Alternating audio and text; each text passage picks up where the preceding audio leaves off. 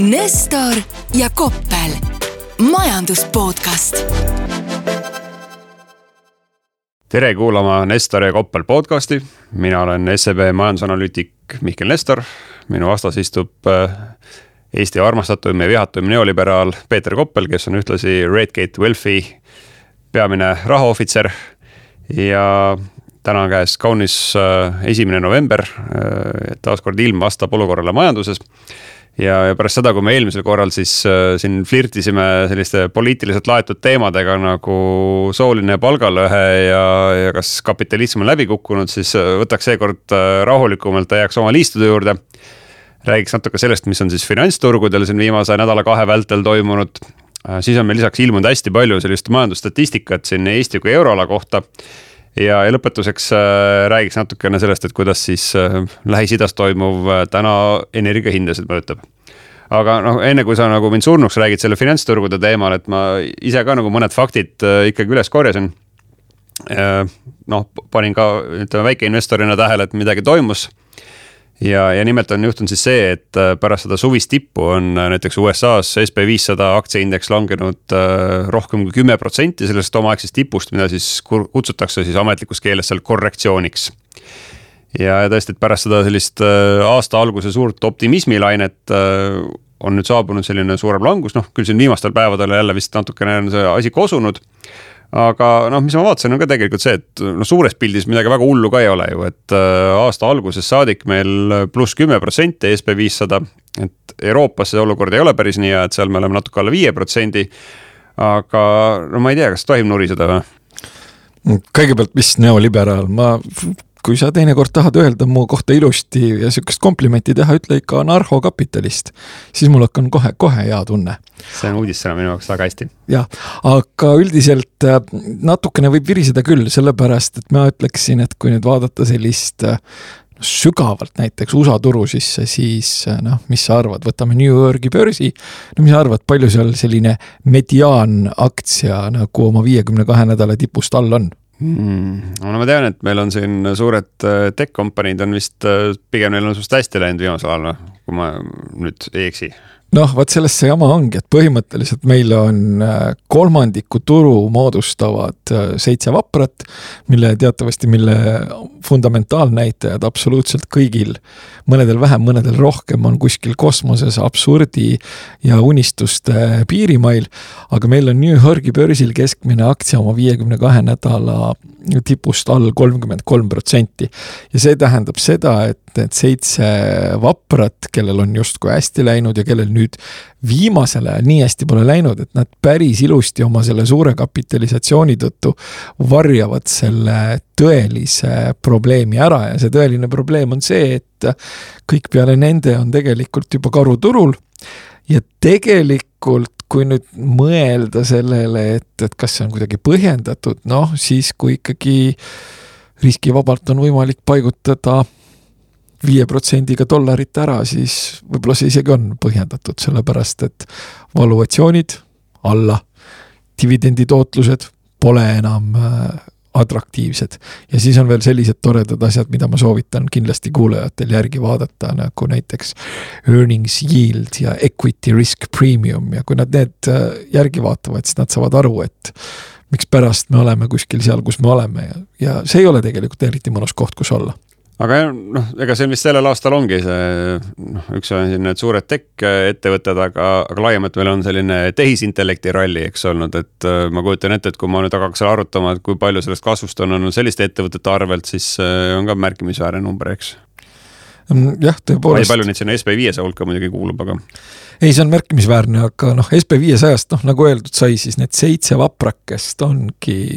sisuliselt kolmkümmend, isegi natukene rohkem kui kolmkümmend protsenti äh, kogu turust. ja sellist kontsentratsiooni noh, ma ka ikkagi lõppude lõpuks juba pahur keskealine varahaldur, et noh, ma ei mäleta sellist äh, kontsentratsiooni varasemast ajast, kus oleks nii, nii hulluks läinud. ja noh, mis puudutab, ütleme neid seitset äh, vaprat, siis äh, noh, ilmselt on piisavalt palju ka kuulajaid, kes on ennast sinna siis nii-öelda suutnud kuhjata või siis päris suured positsioonid seal endale akumuleerinud, et see kõik on äärmiselt tore. aga paraku kipub ikkagi olema niimoodi, et lõpuks fundamentaal maksab ja siin viimased nädalad on natukene näidanud ka seda, et et, et ka see tehnoloogia ühel hetkel saab pihta ja võib pihta saada päris korralikult tegelikult.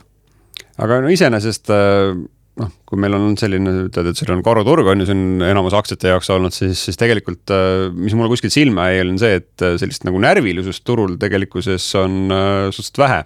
et kui siis eelmisel aastal, kaks tuhat kakskümmend kaks oli mõõdetud lausa kahekümnel päeval see olukord, kus SB viissada indeks kukkus kaks, kaks protsenti või rohkem,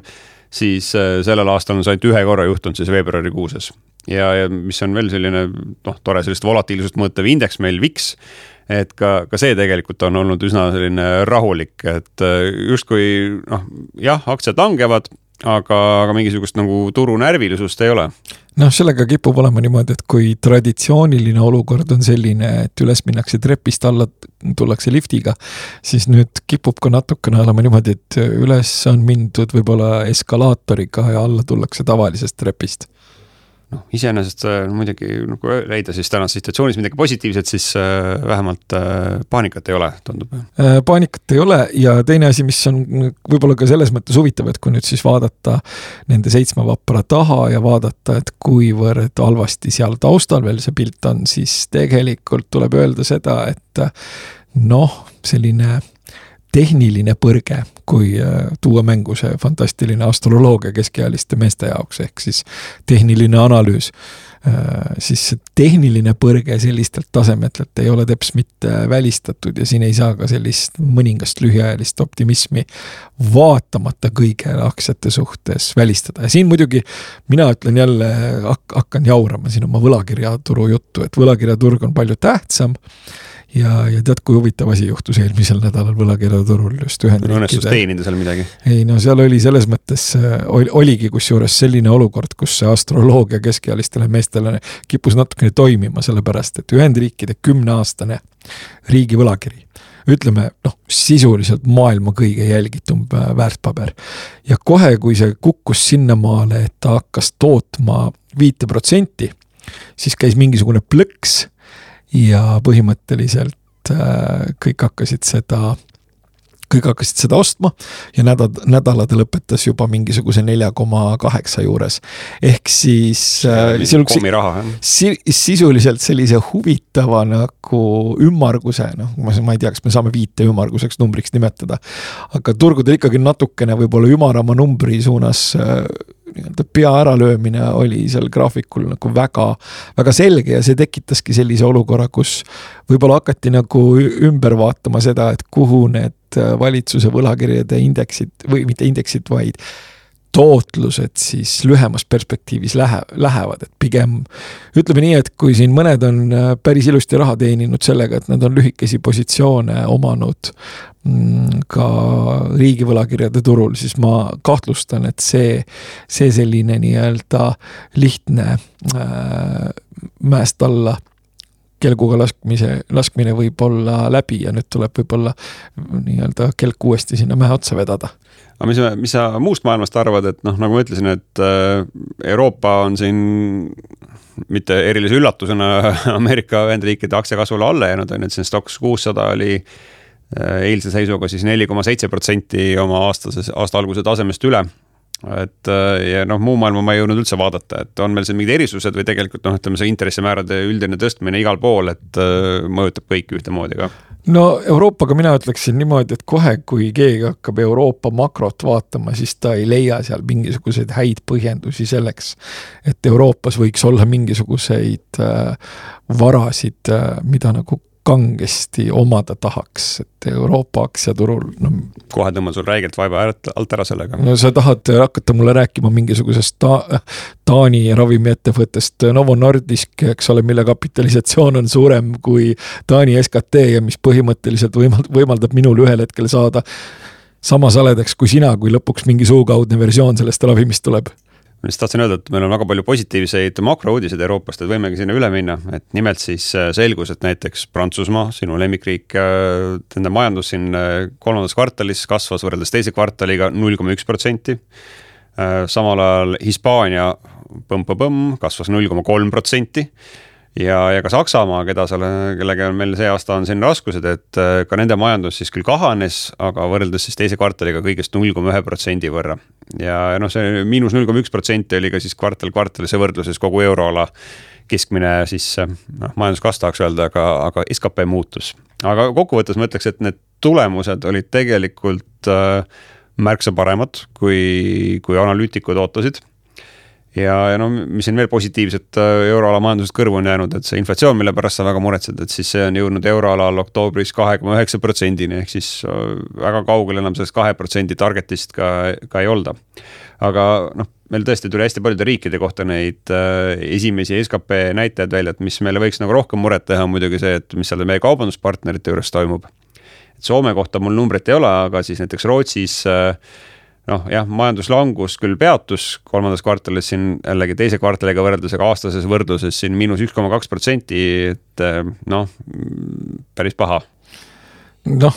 ütleme niimoodi, et ma tegelikult ei suuda nende null koma ühest eh, positiivset numbrite suhtes absoluutselt. analüütikud on positiivselt üllatunud, see on no, peamine, see on eriti finantsturgude mõttes, see on peamine. no selles mõttes, et enamasti analüütikud ongi üllatunud, et kui sa vaatad seda, mida on aktu-, Aktuaalses Kaameras viimased kaks aastat rääkinud on, siis sõna üllatunud olemine on üks nagu kõige populaarsemaid sõnu. aga kui ma nüüd vaatan seda, et no võta need. see on alandlikkus elu ees see on võib-olla kohati ka iseenda intellektuaalse võimekuse ülehindamine. vähemalt minu puhul ma kahtlustan, on see nii olnud, aga noh, võtame mingisugune Saksamaa jaekaubanduse nii-öelda mahud, noh kus kohas me oleme omadega. me oleme omadega suure finantskriisi juures. siis meil on Euroopa on selline koht, kes teatavasti võtab, impordib äh, enamuse oma naftast, noh, mis see nafta maksab, vähe maksab või? ei maksa, palju maksab ettevõtted saavad pihta, tarbijad saavad pihta. ja noh, üldiselt ega mingisugune selline nagu neljaprotsendine intressimäär ei ole ka eriti äh, eriti midagi fantastilist. Ja nüüd, kui me nüüd mõtleme seda, et, et äh, noh, jah, inflatsioon on alla tulnud, aga me ju, oleme jõudnud Euroopas sellisesse kohta, kus reaalintressid vähemalt ajutised on, ajutiselt on positiivsed. Ja kui me nüüd mõtleme kogu sellele kulutamisfestivalile ja laenamisfestivalile, mis siin olnud on ja mõtleme positiivsetele reaalintressidele, siis ma hakkan hakkan olema Euroopa suhtes äh, senisest isegi veel äh, pessimistlikum. väga raske ette kujutada küll. Aga selles kontekstis tahaks ka igasuguseid Eesti numbreid äh, mainida, et äh, meil siis, meil ka Eestis anti välja see esmane hinnang skp kohta, mis võib küll muidugi olla mõni aeg hiljem mingi täiesti teistsugune number, nagu meil on tavaks saanud, aga siis võrreldes eelmise aastaga Eesti majanduslangus kaks pool protsenti, aga samas teise kvartaliga võrreldes jäi siis skp tase täpselt samaks. et justkui, et noh, kui tahta väga optimist öelda, et äh, võib öelda, et me oleme jõudnud siis põhja ja siit edasi saab ainult paremaks minna. aga, aga nende suurte majandusnäitajate puhul, mis äh, võib-olla mind natuke üllatas ja mitte heas mõttes, oli see, et kui siis mujal igal pool inflatsioon on allapoole läinud, tundus, et see juhtub ka Eestis, näiteks septembris meil oli siis inflatsiooninaid kolm koma üheksa protsenti, siis äh, oktoobris ta nüüd tõusis äh, viie protsendini uuesti, mis mind paneb mõtlema, et kas siis äh, põnev-põnev, et on hakatud siis juba etteruttavalt äh, hindu kergitama seoses ees ootava siis käibemaksu tõusuga või, või milles see põhjus on, et meil sinna sisse kahjuks veel ei näinud, et see oli ainult selle esimene number. aga eks siis peagi selgub äh, kurb tõde. oota, aga kuidas seal al alusinflatsiooniga lood on, et? ta on samamoodi meil väga kõvasti alla tulnud, et ega see, nagu ma rääkides siin septembri ja varasemate kuude näitajatest, et, et selle poolest, et noh, tundub, et täna enam kaupmeestel hindasid tõsta ei ole võimalik, et noh, äsja tulid siin välja ka värsked on ju jaekaubanduse numbrid, et kus siis äh, ikkagi mahtude mõttes meil on, müüakse asju seitse protsenti vähem kui eelmisel aastal. ja, ja no mis on siin viimaseid kuid ka iseloomustanud, on see on ju, et põnev lugu on, et mitte ei lange siis ainult äh, müük koguse mõttes, vaid langeb ka siis käibe mõttes ja, ja kui sa mõtled sellise keskmise ettevõtja peale, kes seda mingisugust poodi peab kaubanduskeskustes, et kui tal noh, jäi sinna kümme telekat äh, lattu, et äh, paha lugu. aga kui sa ikka kuus siin juba paarkümmend tuhat vähem äh, teenisid reaalset käivet, et noh, sa pead ju ära maksma siis kaubanduskeskuse rendi, pead töötajatele palgad välja maksma, et usun, et nii mõnigi neist on muutunud murelikuks. ma usun ka, sellepärast et kui ma vaatan nüüd seda nii-öelda noh, kuskilt, eks ole, see tarbija ju teenib lõppude lõpuks selle raha, mida ta, mida ta nagu, nagu saab, on ju, noh. meil olid siin, mõtleme mingi ettevõtetele, on ju, ettevõtete laenamiskulud nullintressi ajal olid nagu suhteliselt olematud, on ju, ja nüüd me siin räägime mingisugustest sellistest numbritest, et ma ei tea, ettevõte laenab siin noh, ka juba, juba Euroopas sellised natukene madalama kvaliteediga laenajad äh, peavad maksma mingisugune seitse protsenti ja ja kui ma mõtlen, et Euroopas on seitse, siis noh, muidugi mina paneks siia korraliku selliste kaheksandajärgulise viletsa ilma ja pahurate inimestega äh, viletsas geopoliitilises asu, koha, asukohas asuva nagu riigi riskipreemiat veel otsa kõvasti. et äh, noh, ühel hetkel ja välisnõudlus on, eks ole, ära kukkunud, et sul on läinud laenamiskulud kulud kalliks, välisnõudlust on ära kukkunud, noh ühel hetkel sa pead hakkama kulusid kokku tõmbama ja no kuskohast sa neid kulusid kokku tõmbad, igalt poolt tõmbad sa tõmbad neid kulusid ikkagi ühel hetkel ka tööjõu kontekstis kokku. ja vot siis tuleb äh, see siis nii-öelda päris äh, nii-öelda ka jaekaup, jaekauplejate nagu halvim hetk. et see minu meelest ei ole teps mitte veel käes no see hirm tööpuuduse ees on Eestis viimastel kuudel äh, tõusnud ja, ja on jälle mõjutama hakanud ka seda tarbijakindlust tõesti. et kui meil eelmise aasta sügisel oli siis selline fantastiline olukord, kus Eesti tarbijad tundsid ennast sama kindlalt kui aastal üheksakümmend kolm, siis äh, asi natuke vahepeal paranes, et me jõudsime siis, tarbijad läksid optimistlikumaks jõudsime selle tarbijakindlustunde indeksi poolest aastasse kaks tuhat üheksa, on ju, kui meil oli siis tööpuudus siin ligi kakskümmend protsenti ja, ja skp oli umbes sama palju kukkunud. Äh, nüüd kahjuks on jällegi puhkenud äh, sellisem äh, suurem pessimism ja oleme tagasi langenud sinna üheksakümne kolmandasse aastasse. ja, ja noh, selle indeksi paha lugu on sellega see, et objektiivselt ma arvan, et meil on väga raske nõustuda, et Eesti elu on sama halb kui aastal tuhat üheksasada üheksakümmend kolm. kuid ta on kippunud nagu korreleeruma üsna hästi selle jaekaubanduse müüginumbritega. kuigi noh, ma ütlen, et praegu ta on meil natuke pada, et selles mõttes meil ei mingisugust inimestel nagu sellist otsest objektiivset põhjust äh, tänasel päeval väga palju ju oma nüüd tarbimist kärpima hakata veel ei ole, et äh, enamusel töökoht olemas jah, ja, ja isegi noh, kuidas nüüd öelda, uusarenduste kontekstis toimub isegi äh, kinnisvaratehinguid suisa. ja kinnisvaratehinguid toimub suisa nagu sellist, võetakse eluasemelaenu isegi päris praegustel intressitasemetel. ja, ja mida, mingisugune nagu siblimine toimub. noh, ärikinnisvaras muidugi on äh, kuidas ma nüüd ütlen, niisugune paras tuumatalv, kus äh, müüjad mäletavad mingisuguseid selgelt kõrgemaid hindu ja ostjad võtavad, ootavad nagu selgelt kõrgemaid, kõrgemat tootlust, kui, kui müüjad neile on valmis, äh, valmis pakkuma, et noh, seal on, seal on jääs, aga noh, vähemalt uusarenduste kontekstis isegi midagi toimub, mis tähendab seda, et mingid inimesed äh, tunnevad ennast piisavalt hästi selleks, et võtta praeguse intressitasemega eluasemelaenu ja osta endale mingisuguseid kortereid, mille ruutmeetri hind on mingi ports üle nelja tuhande euro. nii et noh, kuidas nüüd öelda, et seni, kui selliseid inimesi on, siis polegi võib-olla tõesti kõige hullem, aga no mina isiklikult arvan, et läheb, läheb hullemaks. aga kui ilusti küsida, pidi saama muuseas ka allahindlust äh, ostes äh, uusarenduses kinnisvara. aga, aga läheb selles mõttes hullemaks juba praegu, et tegelikult äh, meil on siin nüüd viimasel kolmel kuul, kui ma ei eksi, kui meil statistika olemas on, on tegelikult tööhõive hakanud kahanema. ja siin septembri andmetel meil oli siis inimesi maksuameti järgi tööl umbes üks protsenti vähem kui eelmisel aastal mis siis arvuliselt annab kuskil viis tuhat kaheksasada inimest, et noh, kui sa arvad, et meil see tööjõud on seal kuskil seitsesada tuhat, on ju, et ei ole nüüd mingi meeletu number. ja, ja Eesti tööhõive määr siiamaani on olnud ka üks Euroopa kõige kõrgematest, ehk siis see nagu mine, minna annab sealt kõvasti allapoole. aga, aga lõpuks jah, see nii-öelda tipp oli saavutatud ja siit edasi läheb halvemaks aga omaette küsimus, et kui palju siis halvemaks? oota, on sul meeles ka, et palju meil aastas äh, tööturult inimesi ära läheb, et kas see on umbes mingisugune sarnane number ju tegelikult, kas mingisugune kuus tuhat inimest või? seda ei ole meeles, aga noh, meil on õnneks neid juurde tuleb ka kuskilt. aga, aga põnev oli ka veel, kui ma seda viimased igasugused tööturunumbrid seal Maksuameti järgi vaatan, et siis äh, lõpuks ometi on raugenud Eesti hiiglaslik palgakasv et kui siiamaani seda sai mõõta kahekohalise numbriga, et kogu aeg on ta üle kümne protsendi olnud, et siis septembris jäi see palkade aastane muutus alla kümne protsendi, üheksa koma kaheksa aga kuule, see tähendab meile, et me oleme jälle sellisesse fantastilisse proletariaadi paradiisi saabunud, kus meil reaalpalk muudkui kasvab ja kasvab. vaatamata sellele, et noh, see num-, see number, mis sa ütlesid, et, et et, et see ei ole enam nüüd nagu sellise kasvutempoga, aga see on ikkagi ju inflatsioonist kenasti kõrgem kuus protsenti põhimõtteliselt reaalpalga kasvu siis jah, võiks öelda septembris on ju. no see on aga... fantastiline, see on selline kaks tuhat kümme kuni kaks tuhat kakskümmend, et kuus kuni kaheksa protsenti reaalpalga kasvu ja siis selle juures viriseme, et tegelikult kõik on halvasti. no seda järgmise aasta ampsu seal, mis sealt ära võeti, muidugi annab natuke aega kinni ka toppida aga noh, kokkuvõttes ongi, nagu ütleme, põnev aeg on saabunud, et, et mõneti mulle tundub, et äh, nii-öelda põhi on, on suhteliselt lähedal. aga samas mul ei ole ka väga häid argumente võtta, et miks me peaks ootama, et me siit põhjast nüüd kuhugi tõusma peaksime et.... selle põhi lähedal olemisega meenub mulle kohe üks väga-väga-väga tark inimene ja minu, minu mentor kunagi,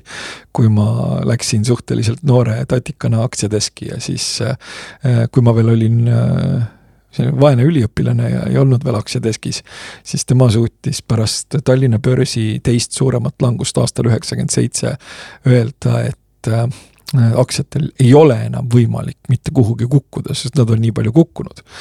ja siis äh, noh, tuligi mõningane korrektsioon, aga siis tuli aastane üheksakümmend kahe, aasta üheksakümmend kaheksa ja selgus, et aktsiatel oli võimalik kukkuda veel ja siis neil oli võimalik kukkuda veel ja siis neil oli võimalik kukkuda veel ja siis oli kusjuures võimalik kukkuda veel. et põhimõtteliselt mina arvan, et äh, mm, asjad hakkavad paremaks minema alles siis, kui äh, Äh, seal nii-öelda roosa leht, millel enam paberlehte ei ole, et kui seal tuleb mingid kolm suurt pealkirja, et nüüd enam tõesti mitte kunagi mitte midagi paremaks ei lähe, vot siis on õige hetk investeerima hakata ja korralikult riske hakata võtma jah, aga noh, mis tuleb öelda, see Eesti rahva vana hea tõdemus, et no elame veel. aga, aga mida, mida siis, et kui siit nagu mingi teemavahetust teha, siis äh, alati saab hullem olla, on ju, et noh, kujuta ette, et sa oleksid sündinud Gaza tsoonis, et äh, siis vaataksid elu teistmoodi no vaataksin selgelt elu teistmoodi, aga samas ma mõtlen, et ma olen, sündisin Nõukogude Eestis, kus äh, sellel ajal, kui ma hakkasin kooli minema, oli haridusministriks Elsa Gretškina ja põhimõtteliselt kogu äh, ümbritsev tsirkus hakkas üha rohkem olema vene keeles ja ja, ja noh, see ei olnud ka nagu eriti fantastiline keskkond. aga siis ma tahakski kusjuures nii-öelda selle eelmise teema lõpetuseks korra öelda seda, et noh tegelikult noh, saime nõukaajast lahti. siis elasime ka selle aja üle, selle üheksakümne seitsmenda, üheksakümne kaheksanda. kahe tuhande kaheksanda elasime ka üle, no küll me elame selle praeguse asja ka üle tegelikult. muidugi elame aga kui nüüd minna üle siis selle Lähis-Ida ja nafta teemale, et siis kohe ütleme ette ära, et minu, hinnangul või minu teadaolevalt vähemalt ei, ei sina ega mina ei ole allkirjastanud ühtegi petitsiooni ühiskondlikku, et me kumb, kelle, keda, kel, millist poolt me toetame ja üldiselt ma arvan, et meile üldiselt meeldivad, kui inimesed äh, jäävad ellu ja suudavad õnnelikult elada. aga keskenduks selle võib-olla siis majandusliku poole peale, et äh, täna on nagu räägitud väga palju sellest, et kuidas siis äh, Iisraeli ja, ja Hamasi vaheline konflikt, et mida see kõik võib kaasa tuua siis äh, nafta hindadega, kui see konflikt peaks laienema ja kuidas reageerivad siin äh, teised araabia riigid ja on siis ülitatud igasuguseid vahvaid jooniseid selle kohta, et kuidas varasemad äh, konfliktid selles piirkonnas on nafta hinda mõjutanud. et noh, näiteks siin toodi välja, et kui siis Iraak ründas Kuveiti üheksakümnendal aastal, siis nafta hind tegelikult enam kui kahekordistus kolme kuu jooksul. samamoodi siis tuhat üheksasada seitsekümmend kolm äh, Araabia riigid kehtestasid siis äh, selle naftaembargo, mis, mis tõstis hindasid kuskil viiskümmend protsenti, sama oli Iraani revolutsiooniga. et äh, justkui oleks potentsiaali väga kõvasti, aga kui sa praegu vaatad, mis on see nafta hindadega toimunud, siis justkui nagu suurt mitte midagi, et kuskil ma ei tea, mingi viis või kuus protsenti on meil siin võrreldes selle konflikti algusega need hinnad kasvanud ja noh, täna ka viimati vaatasin, et naftabarrel siin kuskil vist kaheksakümmend viis dollarit, et äh, justkui pole hullu midagi mm, jah, sellepärast, et kui me nüüd mõtleme sellele kaheksakümne viiele dollarile, siis kaheksakümmend viis dollarit ei ole kolmkümmend viis dollarit ega isegi mitte kuuskümmend viis dollarit. ja noh, minule on mulje jäänud selline, et turg üldiselt vaatab seda, et kui see konflikt püsib, eks ole, teatud raamides, keegi mingeid täiendavaid osalisi sellesse ei lisandu ja mingisuguseid suuri lollusi keegi tegema ei hakka, et siis põhimõtteliselt äh, turg arvestab seda ühe faktorina, aga ülejäänud faktorid on tähtsamad. ja ülejäänud faktorid on mis? ülejäänud faktorid on see, et turg on struktuurses defitsiidis, äh, maailma majandusel läheb natukene paremini kui arvatud, mis tähendab seda, et nõudlus ära ei kuku ja OPEC plussile meeldib raha aga neile meeldib raha täpselt nii palju, et äh, see raha nii-öelda voog oleks püsiv. mis siis tähendab seda, et kui me mõtleme sellele, et okei okay,, meil on Euroopas selline surutiselaadne toode tegelikult äh, noh, kui mitte päris kohale, siis varsti, varsti jõuab kohale äh, no ja siis mõtleme sellele, et kas nüüd OPEC pluss tahab seda surutist süvendada mingisuguse kolmekohalise nafta hinnaga, no vaevalt, et nad seda tahavad. ehk siis pigem võiks arvata, et, et teatud koridor ongi selline kuskil niimoodi seitsekümmend viis kuni üheksakümmend viis, äh, kolmekohaliseks võib minna aga ainult äh, hetkedeks, kui arvatakse, et konflikt eskaleerub. aga ka see on tegelikult ikkagi suhteliselt kallis hind.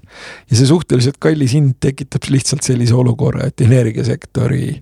ettevõtted põhimõtteliselt äh, võivad rentida hiiglasliku mullivanni, lasta selle raha täis ja minna sinna suplema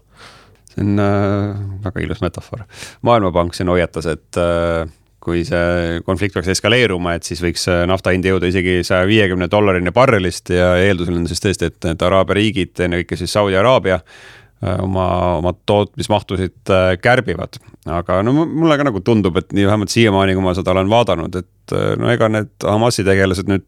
Saudi araablastele ka nüüd ülemäära ei meeldi. ja, ja ega raha, raha meeldib neile kindlasti nagu oluliselt rohkem sellest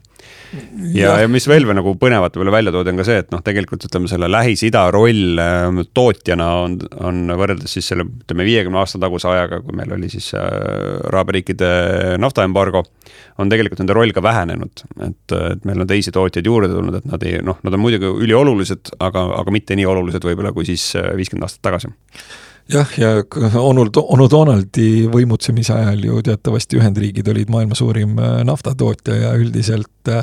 ja seda no, Peeter Koppel, mõtle nendele aegadele tagasi nostalgiapisar silmis. ma mõtlen nostalgiapisar silmis vähemalt onu Donaldile ühes kontekstis tagasi, see oli see kontekst, kus ta suutis Ühendriikide strateegilise kütusereservi ikkagi täis osta põhimõtteliselt äh, olematu hinnaga. ehk siis tal mingisugune selline ärivaist oli, oli olemas, et praegune selline, praegune president, praegune administratsioon, noh. ja vaata, tema nüüd praegu teenib selle pealt, müüb kalli hinnaga maha. tema ei teeni selle pealt, tema on suutnud põhimõtteliselt enda sellise positsiooni parandamiseks võtta Äh, lükata nagu seda strateegilist kütusereservi maha ja Ühendriikide strateegiline kütusereserv on neljakümne aasta kõige madalam tase, madalamal tasemel. kõrge hinnaga seda nii-öelda taastäidet ei taha. sest et varsti on piik, piik nafta ja siis on kõik. ei siin on ka konkreetselt ikkagi hakkama saadud nagu sellise mõningase käkiga, sest noh, nad ei, ameeriklased ei saa öelda näiteks Saudidele, et kuulge, et meil on strateegiline reserv riiki täis, et kui te palju plõksite, et me paneme natukene turgu ja siis vaatame, mis näoga te olete. et pigem ütlevad saudid seda, seda ameeriklastele võib-olla natukene, natukene viisakamalt. ja siin on muidugi veel see mure ka veel, et aga noh, see on natukene teine teema, et praegu, see praegune administratsioon on ju asunud äh, Ühendriikide riigivõlga sellises tempos kasvatama, et äh, turud on kohati isegi natukene ära ehmatanud. et tundub, et nad tahavad endale nelja aastat võimu veel osta. nagu nad tahtsid osta võib-olla kohati mingisugust populaarsust sellega, kui nad nüüd seda strateegilist reservi veidikene kasutusele võtsid. ja noh, me ju nägime, millega see nüüd nagu lõppes aga tead, mis äh, tagajärjed on siis kaasa toonud see Gazas toimuv äh, sõda praegu energiahindadele ja mis puudutab Eestit väga palju no,? nimelt on meil siis äh, ootamatud üles sööstnud maagaasi hinnad kuskil kolmkümmend viis protsenti, mis noh, mina ei ole mingisugune energeetikaekspert, et minu jaoks oli suhteliselt üllatav aga ma saan aru, et seda on siis seostatud selliste jällegi üldiste geopoliitiliste hirmudega ja noh, eks sealt piirkonnast maagaasi tuli ka päris palju turule tuli ja, ja tegelikult, kui nüüd mõelda globaalset pilti, siis Ühendriikides juba on mingisugustes piirkondades olnud veidikene külmem, kui arvati ja noh, eks neile meeldib ka lõppude lõpuks äh, gaasiga kütta. ja noh, üldiselt kipub olema niimoodi, et, et, et selle energiaga on ikkagi struktuurselt äh, suhteliselt, suhteliselt halvasti. ja noh, siin tegelikult võib-olla natukene ikkagi võiks vaadata selle kuidas nüüd öelda, rutaka energiapoliitika suunas, kus toimivaid lahendusi on natukene liiga kiiresti üritatud asendada lahendustega, mis on nunnud aga noh, võime kuulajate rahustuseks öelda, et äh, Euroopas on kõik tünnid gaasi täis ja ütleme isegi siukse täitsa normaalse suusailmaga talve elame me ilmselt äh, üsna soojade tubadega üle ilma, ilma et midagi väga hullu juhtuks. aga oleme oma pool tundi täis rääkinud ja siis taas kahe nädala pärast, aitäh! kütke hästi, kõike head! Nestor ja Koppel,